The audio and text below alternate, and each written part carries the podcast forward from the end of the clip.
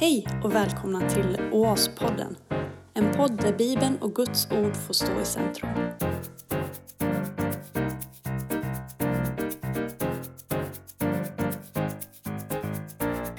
Nu är det så här att detta är väldigt underligt egentligen. Vi måste hjälpas åt att svara på den här frågan. Hur kan det komma sig att cirka tusen personer, eller vad vi nu är, sitter här inne i en eh, ja, varm idrottshall för att lyssna på Guds ord? Det är ju faktiskt ganska konstigt. Vi skulle ju allesammans precis lika gärna kunna ta vårt pick och pack och åka iväg till Marstrand eller någon annan strand någonstans.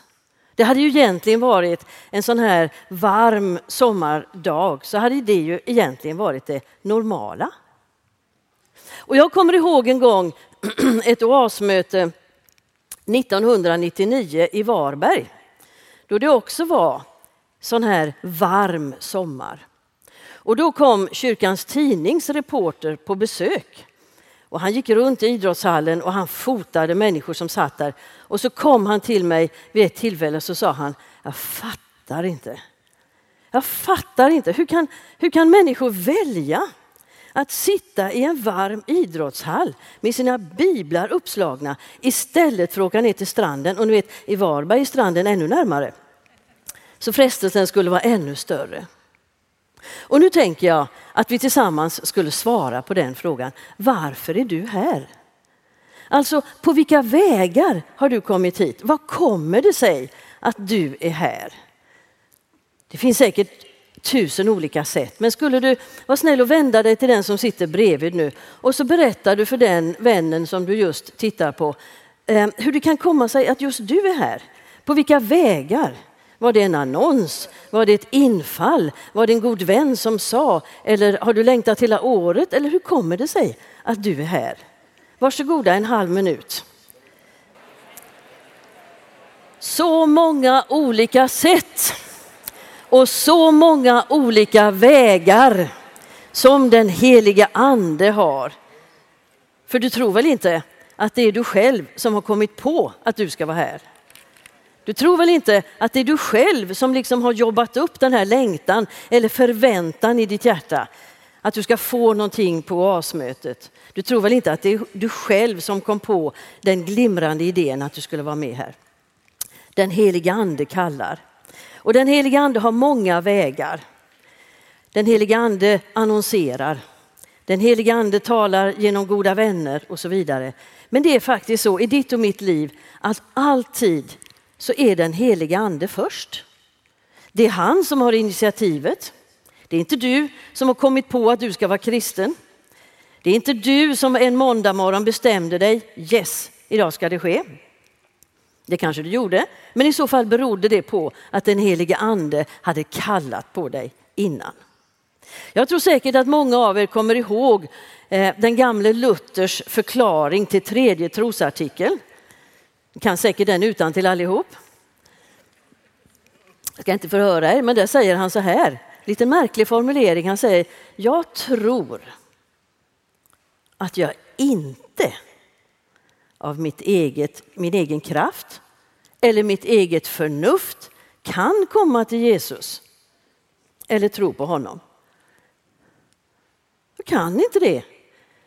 Vi kan, inte någon enda av oss kan bestämma oss för att nu ska jag komma till Jesus om inte han har varit där i våra liv och knackat på först.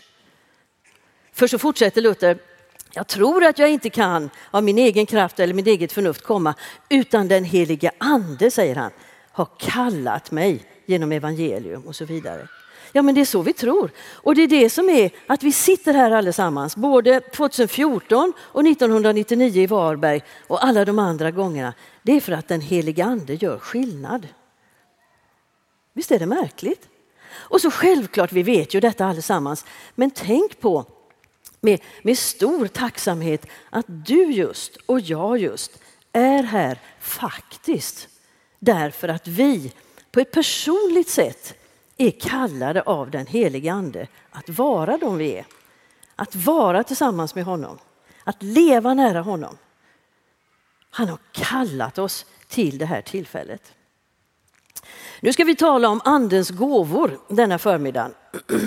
Och det gör vi därför att eh, i det här programmet under avsmötet så finns detta föredraget eh, mera kanske principiellt om Andens gåvor och sen bryts det ner i elva olika seminarier som ni säkert ser i programmet där man kan få veta mer om den eller de Andens gåvor som man särskilt är intresserad av eller särskilt behöver mer kunskap om. Den helige Ande. Ja, han ger gåvor och du vet, det är bara en person som kan ge gåvor. Eller hur? En kosmisk kraft eller något luddigt som svävar ovanför oss som vi inte begriper oss på kan inte ge gåvor. Det är bara personer som kan ge gåvor. Och Det betyder att vi ska, innan vi talar om gåvorna lite mer, så ska vi lite bara presentera personen. Innan vi talar om gåvorna ska vi titta på personen. Den helige Ande är en person. Så som Fadern och Sonen är en person i Bibeln så är den helige Ande en person. Den här personen, helige Ande, kan bli glad, kan bli bedrövad, kan påminna oss om saker, eh, kan leda oss åt olika håll, kan hjälpa oss, kan tala och så vidare. Personen helige Ande kan göra mycket i ditt liv. Eh, vad gör den helige Ande? Bara kort få påminna dig om det. Vad gör den helige Ande? Jo, han gör några viktiga saker. Eh, och den första saken han gör det är att han restaurerar för dig och mig bilden av Fadern. Ni vet, det var det som den onde ville förstöra för oss när han slingrade där i Edens lustgård och så sådde han sitt tvivel och så sa han, skulle Gud ha sagt. Kan väl inte vara så som Gud har sagt. Och så gjorde han någonting med oss som har legat i oss ända sedan dess. Han skapade en brist på tilltro. En misstänksamhet. Nej, Gud kan nog inte ha sagt på det viset. Nej, Gud är nog inte vår käre himmelske fader. Nej, alltså Gud är nog inte generös. Och så lever det kvar i oss och vi är alla, vi bär omkring på den skadan. och den yttrar sig på lite olika sätt. Till exempel så kan man tänka så här, det är inte säkert du tänker så, men det finns andra som tänker så. Man kan tänka att ja, eh, Gud vill nog inte hjälpa just mig. Han vill nog inte det. Det är klart att han hjälper sådana som Hans Weissbrott och så, det fattar ju alla. Men att han hjälper mig med mitt vanliga, na, nej, det gör han nog inte.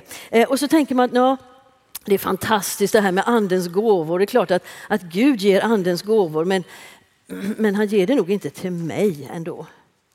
Han ger det till de andra. Eh, och så känner man sig lite rädd och så tänker man att jo men okej, ifall Gud ändå skulle ge mig en andens gåva, då är det som att ifall jag ger honom ett lillfinger, ni vet hjälp, då tar han hela handen och ingen vet hur det slutar. Och kanske är det så här att jag får någon gåva som är jättepinsam. Ja, jag förstår ni aldrig har tänkt eller nuddat vid den tanken. Men jag lovar, det finns många som gör det. Och så får vi ett slags konstigt förhållande till vår käre himmelske fader. Eh, hur många av er har varit klassföräldrar någon gång eller önskat att ni aldrig skulle bli det? Så blir det så här att när vi då sitter där på föräldramötet så är det som, det är precis så som vi gör med Gud. Att så ställer fröken eller magistern den där hemska frågan, och vilka ska nu vara klassföräldrar denna terminen? Och du vet, det är då alla tittar på taket. Hur lampan är konstruerad och hur, hur det ser ut i stuckaturen där uppe och hur tapeten möter an och hur färgen är där uppe och så. Och alla sitter och hoppas, ja måste det inte bli jag, måste det inte bli jag. Det är lätt att vi har fått en sån bild av Gud. Måtte det inte bli jag. Jo, jag vill vara med såklart. Jag vill stå lite grann där på utkanten, men jag vill att det ska vara lagom. Och jag vill absolut inte ge Gud ett lillfinger, för tänk om han tar hela handen. Och så kommer den där otäcka misstron. Har ni varit med om det någon gång? Misstron som gör att vi tänker att om jag ger Gud ett lillfinger, ja då tar han hela handen och det blir inte roligt. Är så? Tror ni jag har fel? Den misstron bär vi omkring på och jag tror att den sitter så djupt så att vi faktiskt behöver ett personligt helande när det gäller det. Vad säger Guds ord till oss? Jo, ni kommer alla ihåg stället från Lukas 11. Om nu ni som är onda förstår att ge era barn goda gåvor, ja men hur mycket mer ska då inte er himmelske fader ge gott? Gud är vår himmelske fader och den heliga ande är här för att restaurera för oss, för att hela den bilden. Och så är den heliga ande här för att måla Jesus för oss. För visst tänker vi så här också att jo men okej, okay, fadern, det kan vi lite grann tänka att vi ändå förstår oss på. Och Jesus, jo men det kan vi läsa om och då vet vi vad han har gjort och så. Men den helige ande, det känns så eh, ogripbart. Så diffust på något sätt. Och det har en naturlig förklaring. Det är för att den helige ande aldrig pekar på sig själv. Han målar inget självporträtt, han målar Jesus för våra ögon. Det är han som gör att torra teorier plötsligt börjar glimra och glöda, eller hur? Det är han som gör detta märkliga att han väcker längtan hos en människa efter att gå till kyrkan. Helt obegripligt. Han väcker längtan efter att fira gudstjänst. Det är den heliga ande som gör att vi längtar efter tillfällen till förbön. Det är den heliga ande som gör att gemenskapen blir varm och underbar. Det är den heliga ande som gör att en människa kan åka många, många mil för att få komma till ett sammanhang där man vet att man möts av Guds goda ande. Ja, det är faktiskt så att det är den heliga ande som gör hela skillnaden. Hela skillnaden. Och det tredje då som den heliga ande gör, det var som den unge prästen sa för några år sedan att nu plötsligt, och ni vet han hade läst teologi och han hade blivit prästvigd och han hade varit präst i några år och så plötsligt en dag i ett Oas-sammanhang så säger han nu först så tror jag på Bibeln. Nu först så tror jag att Bibeln är Guds ord. Det hade han inte kommit på själv över en kopp kaffe. Utan det hade den helige ande gjort i honom. Och det gör den helige ande i oss också. Han hjälper oss att våga tro att Guds ord är på riktigt år 2014. Och då är det så här att den lögnen som ormen sådde där i Edens lustgård, den har satt sitt frö i oss alla. Kan det verkligen vara sant? Har Gud verkligen sagt detta? Får Gud verkligen säga på detta viset? Och så kommer den helige ande och så kan han ge oss en glädje, får vi säga en barnslig glädje vid Guds ord och en tilltro till att jo, men det här är min käre himmelske fader som talar. Jag vågar lita på det. Och det gör oss varken korkade eller obegåvade. Det gör oss trygga och kompetenta som kristna. Vi behöver alltså lära oss att tro att den heliga ande gör Guds ord levande för oss. Och sen det fjärde som den heliga ande gör, det är kanske inte är så roligt när man ska tala om andens gåvor, men det är faktiskt så att den heliga ande visar mig och dig vår synd. Hur kul är det? Jag menar, det var ju andens gåvor vi skulle tala om. Vi skulle liksom flöda i detta idag på förmiddagen. Men du vet, tittar man på kyrkohistorien så är det så här att det finns ingen väckelse någonsin, någonstans som har startat utan syndakännedom i människors hjärtan. Och därför, när vi ser köerna till förebedjarna, när vi ser köerna till biktprästerna, så är det den heliga ande som är och färde. Det är inte människor som har hittat på själva att nu ska jag gå till förbön eller jag ska gå till bikt eller så. Det är klart man tänker så. Men först kommer den helige ande och manar. Ni vet. Och det gör han utifrån ordet. När ordet förkunnas ehm, på ett sanningsenligt sätt, då är Guds ande där och då blir det liksom en landningsbana för Guds ande. Och så väcker han både syndakännedom och tro i våra liv. Det är inte du som hittar på att du ska gå till bikt. Det är den heliga ande som hittar på att du ska gå till bikt. Och det är den heliga ande som hittar på att vi behöver gå till förbön också. Ett par saker till innan vi kommer in på andens gåvor. När man talar om den heliga ande då sprider sig många gånger en oro i våra led. Och oron kommer av att vi har talat för lite om det. Ehm, och så tänker vi så här att jo, men då får vi våra egna föreställningar och så lyssnar vi på vad andra säger och så läser vi kanske häftiga böcker om hur det ska vara. Och så jämför vi oss med oss själva och så är det inte så i våra egna liv. Och då är det ett par saker vi behöver vara noga med att säga. Har du den heliga ande? är ju den frågan vi ibland får väldigt aktuell för oss. Och så kommer följdfrågan, jo men jag känner ju ingenting. Jag känner ingenting. Jag tycker jag är alldeles supervanlig. Jag går inte på moln, jag klättrar inte på väggarna, jag svingar mig inte i takkronorna, jag är helt vanlig. Kan jag ha den helige ande när jag inte känner någonting? Och då vill jag göra en väldigt viktig notering för er och den är helt grundad på Bibeln här. Att när lärjungarna i Nya Testamentet erfar den helige ande och då använder jag ordet erfar med avsikt. När de gör det så är det vi som tror att det är kopplat till känslolivet. Alltså på pingstdagen när den helige ande föll över alla lärjungarna, Petrus och de andra, om vi hade tassat fram där med en mikrofon och stuckit under näsan på Petrus och frågat Petrus hur känns det? Ungefär som Janne Josefsson, ni vet, hur känns detta? Då hade Petrus tittat oförstående på oss. Därför att det var inte den relevanta frågan för honom. Däremot så är det så att det är den omgivande miljöns känsloliv som blir redovisat i Apostlagärningarna 2. Där blir man upprörd, där retas man, där blir man eh, villrådig, där blir man häpen och hela registret kommer. Men för lärjungarna så är det viktiga inte att det känns eller inte, utan det viktiga är att det märks. Hörde ni den skillnaden? Det viktiga är inte att det känns på ett visst vis, för det är så här, om vi är riktigt ärliga, att ibland känns det härligt och underbart. Och det ska vi tacka Gud för och det är fantastiskt när vi får vara med om det. Ibland känns det härligt.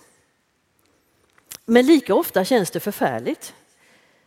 Till exempel de gånger vi blir manade att göra saker vi inte riktigt hade planerat. Och allra oftast så känns det inte alls. Om vi ska vara riktigt ärliga, allra oftast så känns det inte alls. Men det måste märkas. Och det är det som är den stora skillnaden i apostlagärningarna. De som satt bakom stängda dörrar, inlåsta av rädsla för judarna, de kommer ut. Det är modernt nu. De kommer ut och så förkunnar de. Ni vet, de kom ut som kristna kan vi säga, vad härligt. Och så förkunnar de med frimodighet och då blir 3000 omvända. Från att ha varit 12 på morgonen så är de 3012 på kvällen. Hur kändes det? Ja, den frågan finns inte där. Men det som är viktigt, och här ska ni vända er till varandra strax och försöka reda ut för varandra på 30 sekunder skillnaden då mellan orden kännas och märkas.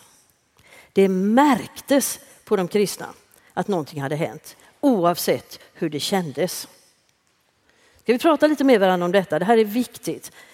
Skillnaden mellan kännas och märkas. Vi tar 30 sekunder på det. Varsågoda. Ja, det har med törst att göra. Och törst kan vi känna. Törsten känner vi. Eller hur? Törst känns. Och då säger Guds ord, Johannes 7.37, om någon törstar, då kommer han till mig och dricker. Och ur hans innersta ska det flyta strömmar av levande vatten så att det känns fantastiskt. Så var det faktiskt inte. Ur hans innersta ska det flyta strömmar av levande vatten. Vad står det sen? Kan ni det? Ja, ur hans innersta ska det flyta strömmar av levande vatten som skriften säger. Som skriften säger. Aha. Okej. Vad säger skriften då? Då får vi titta, vad säger skriften? Jo, skriften säger, vi läste det redan ur Lukas 11 till exempel, och nu läser jag för er. Finns det bland er någon far som skulle ge sin son en orm när han ber om en fisk? Eller en skorpion när han ber om ett ägg? Om ni som är onda förstår att ge era barn goda gåvor, och så kommer det här.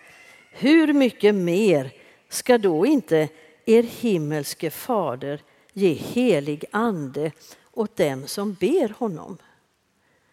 Alltså hur mycket mer ska då inte er himmelske fader ge helig ande åt dem som ber honom? Det talas ingenting om känslolivet här utan det talas om fakta som skriften säger. Och det är fakta mina vänner vi måste luta oss emot. Om vi ska gå ut i den här världen så är det Guds ords fakta som gäller. Det är där vi ska stå. Och det är på den grunden vi också ska tala strax om Andens gåvor. Som skriften säger. Hur mycket mer ska då inte er far i himmelen ge helig ande åt dem som ber? Eh, alltså, här får vi göra ett val. Vi får välja att tro att Jesus menar vad han säger. Det är valet som vi ofta får göra inför Guds ord. Menar han verkligen vad han säger? Är detta på det här viset? Att vi har en far i himmelen som är så god så att han ger helig ande åt dem som ber honom. Ja, vi, kan inte, vi kan inte läsa det på något annat sätt. Hur mycket mer ska då inte er far i himmelen ge helig ande åt dem som ber honom? Ja, men tänker du, alltså det är klart att Gud ger helig ande åt, åt andra.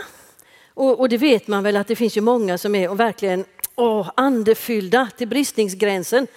Och så känner man sig själv, det kanske du aldrig gör, men jag kan göra det ibland, så känner man sig själv liten och grå och oansenlig och tråkig och ointressant både för Gud och människor. Och så jämför man sig. Tänker man på de här andra andefyllda och de bor särskilt långt bort också, har ni tänkt på det? De bor sällan där man själv bor utan de är ofta någon annan kontinent eller så. Och där händer det saker. Och så jämför man sig. Och det kusliga med den där jämförelsen det är ju att den utfaller alltid till din egen nackdel. Eh, och nu har jag ett underbart bibelsammanhang och det kan hända att en del av er vet om det här innan men då får ni försöka vara lite, inte skvallra med en gång. För här kommer en liten gåta från Nya Testamentet. Och gåtan är denna. Vänder till varandra och så använder ni 25 sekunder för att tala om för varandra vilket bibelställe jag tänker på när jag säger så här. Det var en familj i Nya Testamentet den bestod av tre familjemedlemmar. Alla fick ta emot den heliga ande, fast var och en på olika sätt. Och kan du gåtan så får du inte hojta med en gång. Du får låta den som sitter bredvid försöka fundera lite. En familj i Nya Testamentet, tre familjemedlemmar, var och en tog emot den heliga ande på olika sätt. Vilka var de? 25 sekunder, varsågoda. Ja, det kan hända att det är fler som har knäckt gåtan, hittat dess lösning. Eh, familjen berättas det om i Lukas evangeliets första kapitel. Det är pappa Sakarias, mamma Elisabet och gossen Johannes. Och då vet ni att Johannes, om honom står det att han blev uppfylld av helig ande redan i sin mammas mage. Om mamma Elisabet står det inte att hon blev uppfylld av helig ande när hon blev gravid, utan hon blev uppfylld av helig ande när hon mötte Maria. Då kände hon att barnet spratt till i hennes mage och hon blev uppfylld av helig ande, står det. Och pappa Sakarias, han blev inte uppfylld av helig ande när han fick sin änglasyn i templet vid det unika tillfället i hans liv, utan han blev uppfylld av helig ande när han först hade blivit stum Eh, därför att han hade brist på tro på undret. Och så kom grannarna och så ville man veta vad gossen skulle heta. Och då skulle han heta Johannes, men det tyckte alla var konstigt för det var ingen som hette så i släkten. Och då skriver Sakarias på tavlan, Johannes är hans namn. Och då står det, då löstes hans tungans band och han blev uppfylld av helig ande. Det är en väldigt fin berättelse därför att den hjälper oss att förstå att Gud eh, behandlar oss på olika sätt. Han gjorde det från början. Och därför är det helt onödigt och fullständigt bortkastad tid att jämföra sig med andra. Det är faktiskt det. Jag vill befria er från det i Jesu namn omedelbart. Helt onödigt. Därför att Gud har sin speciella design för just dig. Och det här med jämförelsen, det kan bli en terror i våra liv. Hur vi ser på andra och tycker de är fantastiska. Så Gud har en speciell design för dig. Så lägg bort jämförelsen, den bara tynger. Och tacka Herren för hans behandling av dig. För min egen del, så som skriften säger så tog jag emot den helige ande den 8 november 1951 på Mölndals BB tillsammans med andra vaccinationer som man fick då. För det var så man döptes på den tiden. Och apostlagärningarna säger, kommer ni ihåg andra kapitlet? Petrus svarade dem på dess oro, omvänd er och låt er döpas i Jesu Kristi namn så ska era synder bli förlåtna. Då ska ni få den heliga ande som gåva. Ty er gäller löftet och era barn och alla de som är långt borta, till och med så långt borta som i Mölndal på BB 1951. Visst är det häftigt? Ja. Eh, men så kan det vara så med vårt vår andetagande emot att det är som med våra datorer, att de är på standby. Ni vet, de är varken av eller på riktigt. Och det kan också vara förklaringen till att vi längtar så mycket men vi ser så lite. Kanske både din och min dator är på standby. Och kanske det här oasmötet är till för att sätta fart på det du redan har fått. Ja, det här var en liten introduktion och nu kommer själva eh, föredraget. Mm. Vi ska tala om Andens gåvor. Vi kallar dem också nådegåvorna. Nåd är på grekiska ordet karis, gratis, och därför kallar vi också för en karismatisk rörelse när man talar om Andens gåvor. Och när jag säger Andens gåvor till dig, vad tänker du på då? Vilka associationer får du? Ska ni luta er till varandra? Och så får ni 15 sekunder på er att associera. Säg de saker som kommer först i tanken när jag säger Andens gåvor. Vad tänker du på då? Tack så mycket. Nu ska vi göra en gallupundersökning. Hur många tänkte på gåvan att hjälpa? Ja, duktiga ni är. Hur många tänkte på profetians gåva? Hur många tänkte på gåvan att visa barmhärtighet? Hur många tänkte på tungotalets gåva? Hur många tänkte på gåvan att styra och leda? Det var den som ska ha det seminariet sen, jag som tänkte på det. Så. Eh, så här är det ju när Paulus räknar upp eh, förteckningen om Andens gåvor. De hittar man i första Korintierbrevet 12 och 14 och Romarbrevet 12. Det är lätt att komma ihåg. Då är det så här att där finns både de gåvor som vi omedelbart tänker på, som kanske är lite mera i ögonen fallande och uppseendeväckande. Och då nämner vi helandets gåva, tungotalets gåva, profetians gåva med flera. Men där finns också i lika hög grad, och de är lika mycket andens gåvor, de som eh, till synes verkar mera oansenliga men som är nog så viktiga i Guds rike. Och det är de här som räknas upp på alla de här ställena. Det är gåvan att hjälpa, gåvan att visa barmhärtighet, gåvan att styra och leda eh, och så vidare. Alltså de här gåvorna som vi kanske nästan inte tänker att det är andens gåvor. Men i lika hög grad och i samma mån så är det andens gåvor, vare sig det gäller profetia, tungotal och helande, hjälpa, styra, leda, visa barmhärtighet och ta sig an och så vidare. Ehm, och nu är det klart att man tänker, man är på oasmöte, då, då, då platsar det ju att tala om andens gåvor. Men spelar det egentligen någon roll? Jag menar, har det inte gått bra i alla tider utan andens gåvor? Och då tror jag det är så här, vet ni att i alla tider så har andens gåvor varit i funktion. Mm. Men vi har kanske inte tänkt på det och vi har kanske inte kallat det så. Och samtidigt så vet vi att i vår tid den utmanande tid vi lever i, så är det extremt viktigt att vi blir medvetna om den här tillgången och i ännu högre grad tar till oss av Andens gåvor. Ehm, två tänkexempel. Vad ska vi ha det till? Ja, eh, om, vi, om vi till exempel tar gåvan att tala visdomsord, visdomens ord, det står ju om det hos Paulus där, så är ju inte det en allmän klokhet hos en person. Lite extra välmöblerad här uppe. Det är inte gåvan att tala visdomens ord, utan gåvan att tala visdomens ord, den ser vi bland annat i Jesu eget liv. Och det är de där situationerna som är låsta, alltså konflikter. Har ni några sådana? Konflikter i församlingen. Konflikterna, det är de låsta situationerna och det är då Jesus kommer från en annan vinkel. Det är att tala visdomens ord. Och så säger han det där som får hela konflikten att bara falla. Ett exempel, det är när kvinnan där i Johannes 8 tror jag det är, ertappas eh, som äktenskapsbryterska.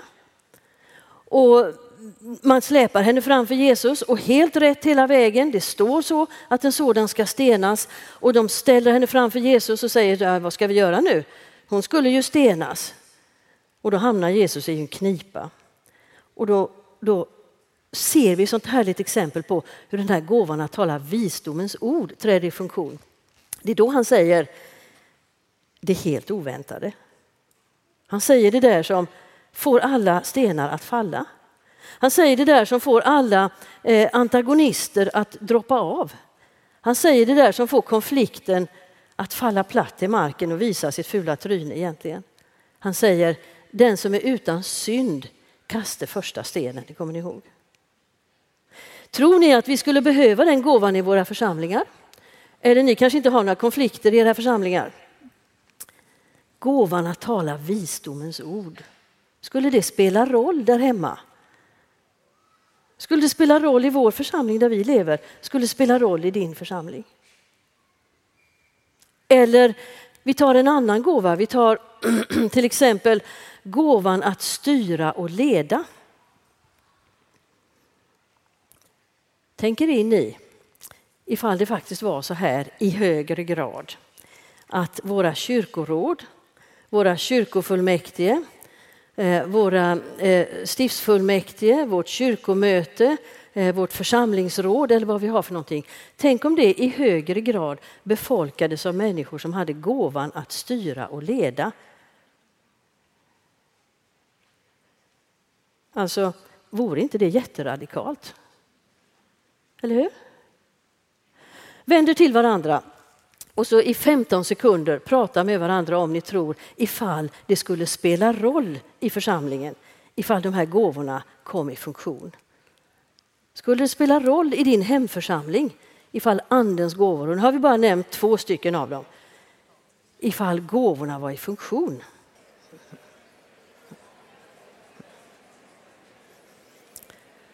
Tack så mycket. Hur många tror att det skulle spela roll i svensk kristenhet idag om Andens gåvor i högre grad var i funktion? Det var några där nere som inte... Ja, det är klart att det skulle. De första kristna de klarade sig inte utan Andens gåvor. Och det gör inte vi heller. Nej. Eh, nu kommer några missförstånd. Kort. Det är lätt för oss i Svenska kyrkan att tänka så här, jo men visserligen, det där låter väl bra, men eh, vi gör så här att vi överlåter detta på våra vänner i Pingstkyrkan. De får fixa detta med Andens gåvor och vi andra då i Svenska kyrkan, vi satsar på hjälpverksamhet istället. Eller kärleken eller någonting. Som om det vore ett tillval man kunde göra. Vet, I skolan så finns det elevens val. Jag läser tyska och du läser franska. Jag tar andens gåvor och du tar kärleksverksamhet. Nej, men så är det inte. Den heliga andes gåvor tillhör, och hör här nu, för det här är det viktigaste på förmiddagen, tillhör normal kristen tro. Det är så. Det tillhör normal kristen tro. Det ingår liksom i paketet. Det är ingenting vi kan välja till som en extra superfrom kurs, utan det ingår i paketet. Mm. Eh, en annan, ett annat missförstånd är att om man tänker jo, jo då, det är klart, det ingår i paketet och så, men man förstår väl ändå att det är så här att, att det måste vara en speciell personlighet. Det måste vara lite excentriskt överspända personer som eh, satsar på andens gåvor. Vi andra mer normala, lugna och så, vi, vi, vi kör på på vanligt sätt. Yes. I eh, Korintierbrevet, första Korintierbrevet 12, det första kapitlet där Paulus undervisar om andens gåvor, så är det hemskt intressant därför att där säger han Bröder, jag vill inte att ni ska vara okunniga i fråga om de andliga gåvorna. Och så talar han om hedningarna. Och det märkliga är där att det är hedningarna som är överspända. Det är hedningarna som dras hit och dit lik vindflöjlar. Och han säger, ni vet att när ni var hedningar, då drogs ni oemotståndligt till de stumma avgudarna och så vidare. Alltså det som kännetecknar en kristen människa, det är att man har kunskap om andens gåvor. Det är därför vi har det här spåret på avsmötet och den kunskapen kan ni skaffa er ännu mera på seminarierna som kommer. Paulus vill att vi ska ha kunskap om detta. Eh, och visionen som Nya Testamentet har när den målar oss kristna, det är inte att vi är virriga, eh, vimsiga, överspända personligheter. Utan det är att vi har kunskap, vi har auktoritet och vi har förmåga att förstå vad skriften säger så att vi kan använda oss av de här gåvorna. De är inte, nu kommer tredje missförståndet, de är inte medaljer för lång och trogen tjänst. Kanske tänker du ibland så att ja, det är klart att, ehm, det är klart att de här som leder oasrörelsen fattar man väl att de har andens gåvor. Men, men ja, tänk om de andra visste hur jag var. Jag menar, jag syndade ju både igår och i morse och ber inte så länge varje dag och är ganska dålig överhuvudtaget. Men jag får, jag får försöka. Jag får skärpa mig. Jag får jobba lite på det så kanske jag kan få en andens gåva sedan. Helt fel. Som om andens gåvor var medaljer för lång och trogen tjänst. Som om Gud klockar ditt böneliv. Vad hemskt om han skulle göra det med mitt. Skulle han säga att Jaha, igår så bad Berit en och en halv minut. Mm, idag var det två minuter, det tar sig. Snart är det dags för någon andens gåva. Nej, men jag kan ju inte göra någonting utan honom. Och därför ska vi mer än medaljer, vi ska inte alls tänka på det vi ska tänka på nästa gång ni går på Ikea, det gör ni kanske ibland, så har de någonting som jag tycker är så gudomligt. När man går på porslinsavdelningen så har de någonting i en stor vit låda som heter startkit. Jag tänker alltid på Andens gåvor när jag ser deras låda med startkit. Det kan ni göra när ni är på Ikea härnäst, för det är det det är frågan om. Hur skulle vi kunna utföra det Herren har kallat oss till utan hans startkit? Kit. Hur vore det möjligt? Helt otänkbart. Ingenting kan vi göra utan honom. Eller kanske tänker du då att ytterligare ett missförstånd kan tänka att jo, andens gåvor i och för sig, men att det får ändå vara så att det får de anställda i kyrkan sköta om. Det, det får vara deras, men de har ändå betalt för att utsätta sig för detta. Så, men, men vi andra då, vi vanliga, vi, vi, vi ser till att de får sin lön och så slipper vi. En gång så var jag ute i en församling någonstans i Sverige och höll ett föredrag om Andens gåvor. Och då var det en kvinna som kom fram och hon hade en sån intressant bild. Hon sa, ehm, så här är det, sa hon, att här i vår församling så har vi tänkt på våran pastor, våran präst, det var Svenska kyrkan detta. Vi har tänkt på honom som ehm, Ja, fram tills nu då när du höll föredraget så har vi tänkt på honom som en sån här schweizisk armékniv. Och hon var helt seriös. Och det kan inte han hjälpa, sa hon, utan det är vi som har gjort fel. Vi har tänkt att han är som en schweizisk armékniv. Vet ni vad det är för någonting? Ja, det är en sån där som har 72 olika funktioner, varav ingen riktigt bra. Ja. Och det är också en frestelse. Ett missförstånd om vi tänker att det ska vara på det viset. Mycket, mycket bättre är det att tänka på bilden av verktygslådan. Verktygslådan, åtminstone hemma hos oss, den står i huset och den är tillgänglig för alla som behöver. Och till verktygslådan går man förstås för att hämta både hammare och skruvmejsel och torktrasor och allt sammans. Och det är praktiska redskap. Den helige Andes gåvor är praktiska redskap. Där finns eh, eh, verktyg för hårdare bruk, skruva i, spika fast. Där finns torktrasor för tröstande och annat bruk. Och får jag bara påminna er igen, det är en helt irrelevant fråga att ställa sig frågan hur känns det att skruva i en skruv med skruvmejsel? Hör ni hur dumt det låter? Det är en praktisk gåva. Och den heliga Andes gåvor är funktionella. Alltså de är till för att vi ska kunna göra det som är vårt uppdrag som Kristi kropp. Paulus säger ju det, det kommer ni ihåg. De ska bli till nytta för helheten. Ytterligare ett misstag, sen är det slut på misstagen eller missförstånden. Det är det här att vi tänker att mm, ja, om man ska ha andens gåvor, ja, men då, då, ja, men då handlar det om att gå i tro. Och det här med gå i tro, då får det en speciell, liksom ett, ett skimmer omkring sig. Att gå i tro, ja men det kan man inte göra på måndag, tisdag, onsdag, torsdag, fredag. Utan det måste man göra, det är lite mer exotiskt. Eh, gå på vatten, det är det enda som duger egentligen. Fastän Jesus oftast gick på land. Och så får vi för oss att våra liv med den heliga Andes gåvor måste vara så exotiska och så annorlunda. Hur många har exotiska liv? Hand upp. Inte så många, inte ens jag. Vi har vanliga liv. Vanliga vardagsliv, eller hur? Och det är våra vanliga vardagsliv som Andens gåvor ska vara i funktion. Ditt vardagsliv duger. Jag tycker det är viktigt. Ditt vardagsliv duger. Och tänk nu, en vardag under den heliga Andes ledning med Andens gåvor i funktion. Vad är det annat än dynamit i denna världen?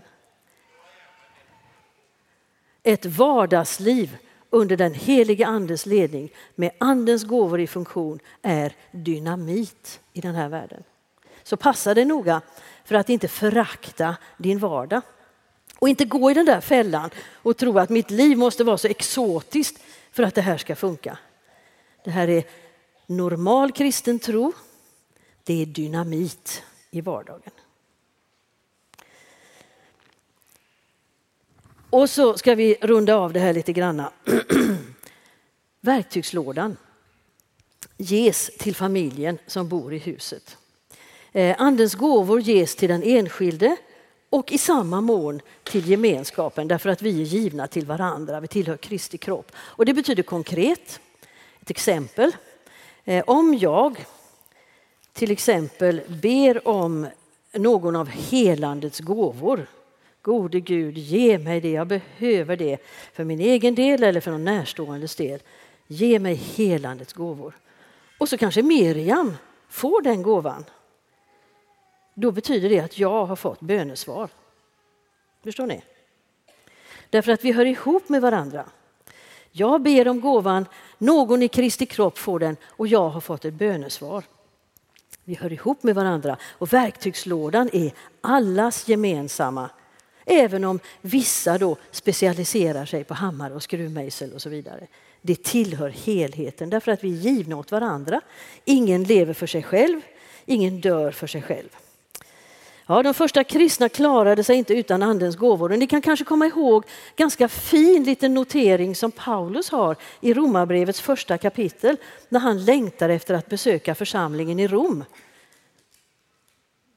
Så var ju inte det för att titta på deras statistik eller se hur många grupper de hade eller så, utan det var ju för att få glädjen att dela med sig av någon andens gåva till dem. Det var så viktigt och så starkt och så härligt och så underbart så att han längtade till församlingen i Rom för att få dela någon andens gåva tillsammans med dem. De första kristna hade detta helt aktuellt. De klarade sig inte utan det och det gör inte vi heller. Uppdraget är för oss som Kristi kropp idag att vi ska göra det Jesus gjorde då, fast nu. Vi ska göra det Jesus gjorde då, fast nu. Och utan andens gåvor klarar vi inte det. Och utan varandra klarar vi inte det. Eh, och så slutligen, är det då kört för mig? Är det då kört för dig? Sin kallelse och sina nådegåvor, står det. I Romarbrevet 11.29 kan Gud inte ångra. Men då kan det ju vara så här med dig att du vet att jo, eh, alltså i min ungdom eller för tio år sedan eller så, så tog jag emot denna och denna andens gåva. Det kan vara tungotalet, det kan vara någonting annat. Men sen så har det hänt olika saker i livet och så, ehm, så har jag inte gjort bruk av det. Är det då kört för mig? Ehm, då det finns det två underbara ställen i Andra Timoteusbrevet och jag tror jag kommer att sluta med dem. Det är Andra Timoteus 1.6. Där talar Paulus om, han undervisar sin älskade Timoteus där, ehm, där han säger blås liv i den nådegåvan. I folkbibeln som jag läser ur så står det så här, låt den Guds nådegåva flamma upp igen som finns i dig genom min handpåläggning. Alltså Gud har inte ångrat sin gåva som han gav dig om du sitter här och känner igen dig i denna beskrivningen.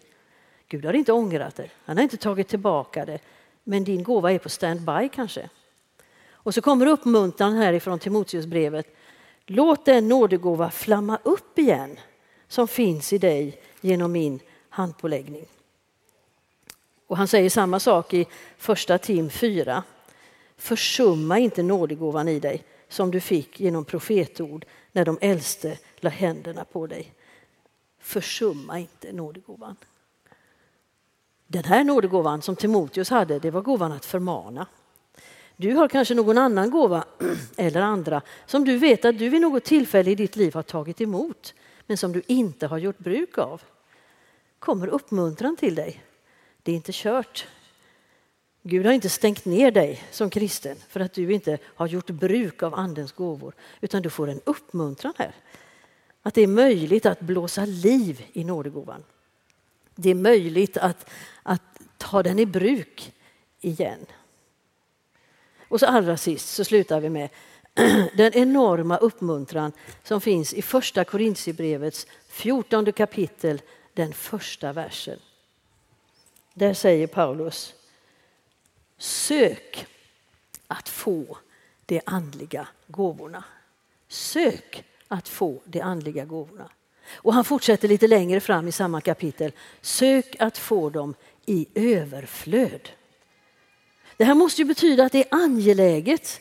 Det är inte något sidospår. Du ska inte söka andens gåvor i en liten buske någonstans i diskretion.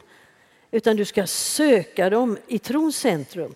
De tillhör det normala kristna livet och du ska söka dem i överflöd. Och här står det inte en liten stjärna. Det står inte sök de andliga gåvorna ifall du har lust. Ifall du känner för det. Eller ifall du är den personlighetstypen.